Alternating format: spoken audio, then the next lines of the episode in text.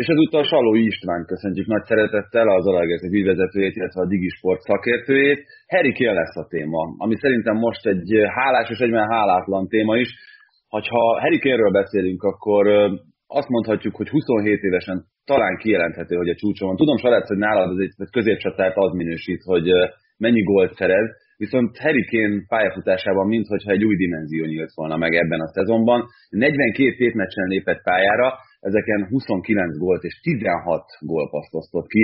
Ez utóbbi az, ami eddig azért nem volt annyira jellemző a pályafutására. Igen, sziasztok! Egyetértek, hogy Harry Kane-nek megváltozott a játéka. Abszolút.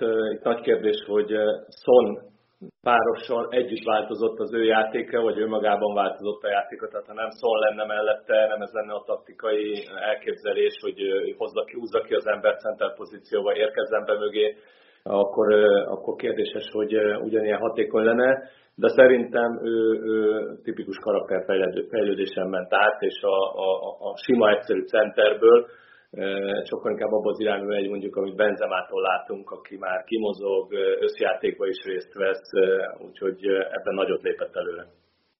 Ez a sokoldalúság, ez egyértelműen hasznára vált, vagy szerinted egy kicsit levett a gólszerző képességéből? Hát a számok alapján nem vett annyit le belőle, de, de nyilvánvalóan egy csatárnál az a legnehezebb mindig, hogy hogyha elkezdesz visszalépegetni ezekből a pozíciókból, akkor a, a, a megfelelő arányt kell megtalálni, hogy azért vissza is lépegetek, de azért föl is érjek a kapu elé.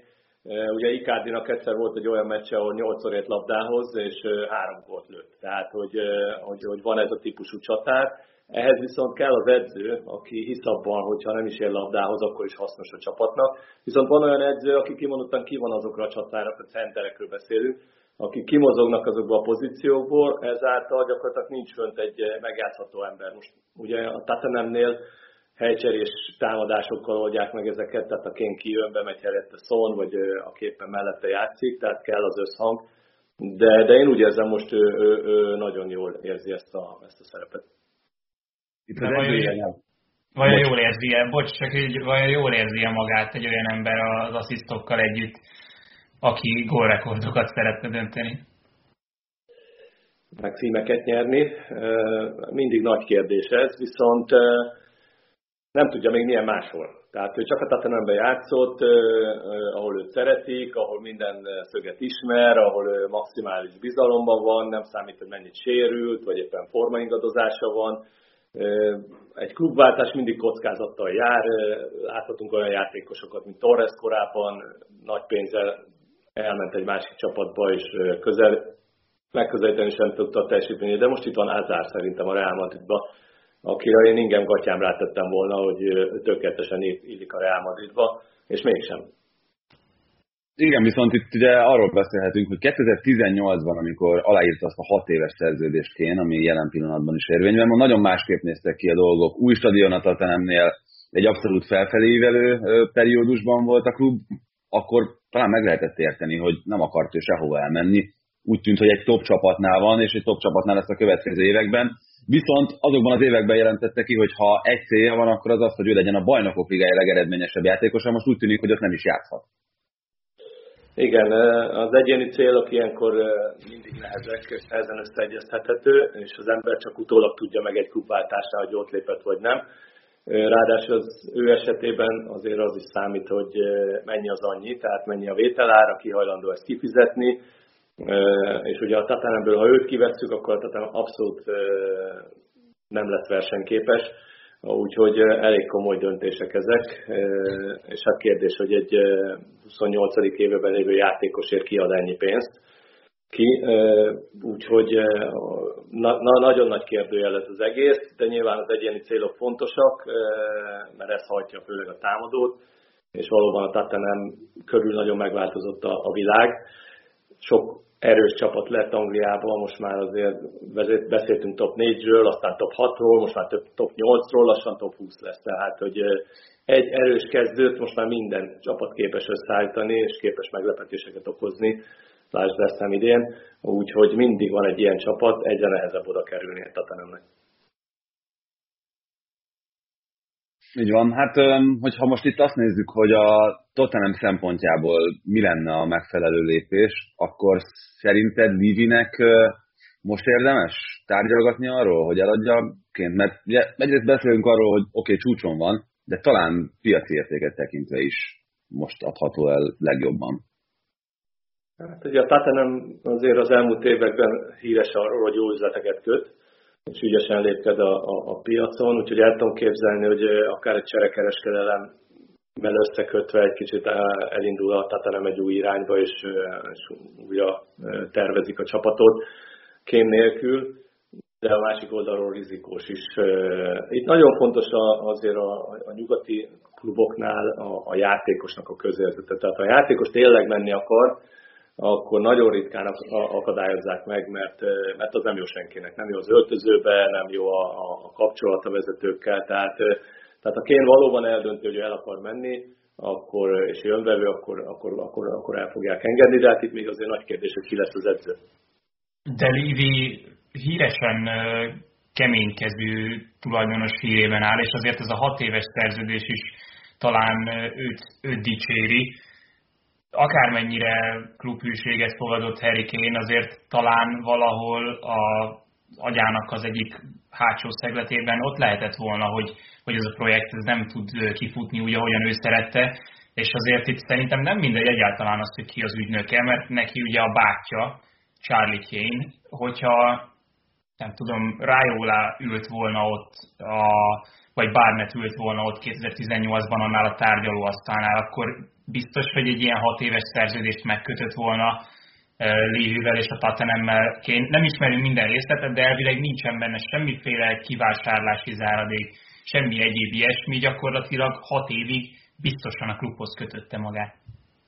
Egyetértek veled, hogy klassz dolog ez a bizalmi dolog, hogy családon belül, meg lelkes amatőrre az ügynököt, de azért ez egy nagyon komoly szakma, és, és nagyon komoly víziót igényel, előre kell látni a, a folyamatokat, és mindig ők is fejlődnek, ugye az ügynökök egyre több olyan tényező jön be, amit be kell építeni egy-egy szerződésbe, hosszú távon gondolkodnak, plusz azért Raiola szintű ügynökök olyan kapcsolatban vannak a Real Madrid elnökével, a Barcelona elnökével, hogy abszolút bejáratosak bárhova. Első kézből kapják az információkat, és adják, persze így tudják mozgatni a szálakat. Szerintem ugye az ügynökök szerepe egy nagyon kérdőjeles, és a közvéleményben inkább negatív de én a másik oldalról azt mondom, hogy, hogy, hogy itt a játékosok érdekét is nézni kell, és a játékosnak is ebbe a 12 évből ki kell sajtolni a legjobbat, mind szakmailag, mind anyagilag, és ez profi szakemberek kellenek, akik ezeket a lépéseket ben segíteni tudják. Én teljesen egyetértek veled, hogyha rájól az ügynöke akkor, akkor másképp alakul. Most meg el tudom azt képzelni, hogy rájól egyszerűen belép a képbe, és ő az összekötő, mert ugye kétféle ügynök van, az egyik ügynök, aki egy-egy játékos képvisel, a másik ügynökök, vannak olyan csúcsügynökök, akik pedig eh, csak belépnek egy-egy üzletbe, levegve a sápot, és, és akiknek nincs a jó ügynöke, azokat megkeresik, hogy hé, figyelj, el tudom vinni a kliensedet a Madridba, csinálunk egy közös üzletet. Tehát ez a úgynevezett intermediate üzletág az ügynököknél, és ezeknél a szuperügynököknél ez abszolút működik. Tehát neki nem kell a napi ügyekkel foglalkozni a játékosnál, de amikor jön a nagy lépés, akkor bele tudnak lépni az üzletbe, de nyilván őt csak az érdekel, hogy az az üzlet megkötessen, ő levegye a sápot. Őt nem fog érdekelni, hogy négy év múlva, hogy tud elszabadulni Kén ebből az esetben, de, de itt, itt, itt, itt szerintem Kén hibázott ebből a szempontból, hogyha ő egyszer akar menni, hogy nem profi szakemberrel kötött ezt a hat éves szerződését.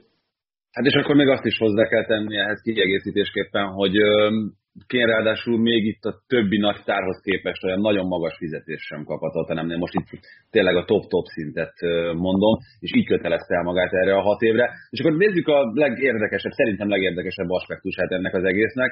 Azért eléggé fel fog bojdulni ez a futballpiac itt a nyáron, hogyha te klubvezetőként gondolkodsz, és mondjuk tegyük fel, hogy nagyjából korlátlan lehetőségeid vannak, akkor csak három nevet említek, akkor Harry Kane, Lukaku és Holland közül kit választasz. Ugye hozzáteszem csak azért, hogy kicsit árnyaljam a képet. Lukaku valószínűleg olcsóban megszerezhető lesz, hogyha valóban a piacra kerül, hiszen az Inter nem tudja finanszírozni jelenleg a kínai kormányzati szabályok szerint az anyacége. Holán sokkal fiatalabb, és hát akkor ott van Kén, aki egy kiforrott készjátékos, viszont valószínűleg brutálisan drága ezzel a 2024-ig tartó szerződésével. Az sem mindegy, milyen klubnak az élén ülök, gondolkodhatok, vagy ahol, ahol azonnal eredményt kell produkálni, mondjuk mondok egy Real Madridot, vagy egy Barcelonát, ahol nem tudja azt mondani a közönségnek az elnök, hogy na majd öt év múlva, mert addigra leváltják. Vagy, vagy mondjuk egy Lipcse élén ülök, ahol azt mondom, hogy három éven belül bajnok akarok lenni Németországba. Nyilván mind a két esetben másképp kell lépegetni. Most nagyon úgy tűnik, hogy ha ugyanazért a pénzért kapod meg, akkor Haaland a legjobb vétel, mert erős, mint Lukaku, viszont nagy sebesség van benne, nagy munkabírás, besegít a védekezésbe, és nyilván a kora is segít. Hogyha ha azonnali eredmény kell, akkor, akkor, akkor talán kém felé indulnék el. Lukaku szerintem nagyon speciális eset, akinek kell egy olyan edző, aki, aki ráépíti a taktikát, aki, aki tökéletesen illeszkedik. Őt egy kicsit bizonytalannak érzem abban, hogy ha az edző nem támogatja százszázalékosan, akkor képes nagyon rosszul is teljesíteni. Ezt még Hálánnál egyelőre nem tudjuk, hogy ő, ő hogy viseli ezt a fajta nyomást, hogyha, hogyha az edző nem százszázalékosan van mellette, vagy, vagy nem bíznak úgy mellette. De még kérni se tudjuk, mert ugye egy helyen van. Én de választhatnék, Mbappét választanak. Azért, azért lepett meg Tibi, hogy Mbappét nem mondtad, mert neki van ugye 2022-ig szerződése, tehát nála, hogyha valamikor esedékes a klubváltás, akkor az most, ha csak nem köt új szerződést. Csak ő nem középcsatár, azért nem soroltam fel. Igen. Igen, ez is nagyon érdekes dolog. Ugye a Lyon elnöke azt mondta, hogy középcsatát nem fog venni soha, mert az a legdrágább és legfelülértékeltebb befektetés. És ugye Gárdiolát látjuk, hogy Aguero sérülésétől vezérelve is elkezdett csatár nélkül vagy center nélküli játékot produkálni. Tehát ma már nem egyértelműen a centerek rúgják a legtöbb gólt szerintem, nagyon sokan szélről rúgják, hát vehetjük Messi-t, Ronaldo-t, egyik sem tipikus center. Lewandowski föltette a kezét. Lewandowski? Igen. Igen. Hát, hát ő talán az egyetlen ilyen kimondottan tipikus center így a, a régi időkből, aki úgy tényleg csak azzal foglalkozik, hogy ott van érkezik és belövi, de mondjuk Lukaku is ilyen.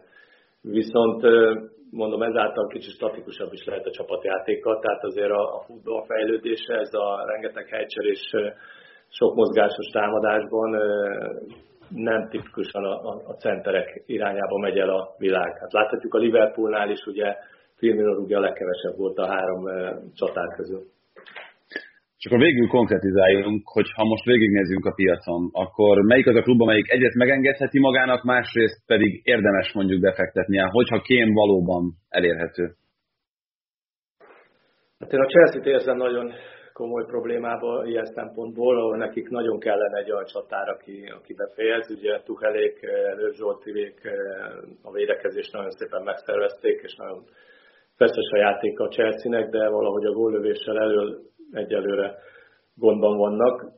Nekik kellene is csatár pénzük is van. Ugye lehelle sokat vitatkoztunk ezzel, meg bárki Dodóval annak idején a Digibe még, hogy a City, meg a Chelsea, meg a, a, a Paris Saint-Germain, ugye az olajos csapatok nem fognak sehova jutni, mert a tradicionális nagy csapatoké a, a, a, a futball, aztán most a négy között három olajos csapat van, és egy klasszikus, és valahogy ebbe az irányba mutat a, a, a világ, hogy azért a pénz igenis számít, és tudnak költeni. A City-nél nem vagyok egyértelműen biztos, hogy ők megtehetnék, de nem vagyok egyértelműen biztos, hogy, hogy, hogy ők tudnának egy olyan típusú csatárral játszani, mint akár Haaland, akár, akár Lukaku.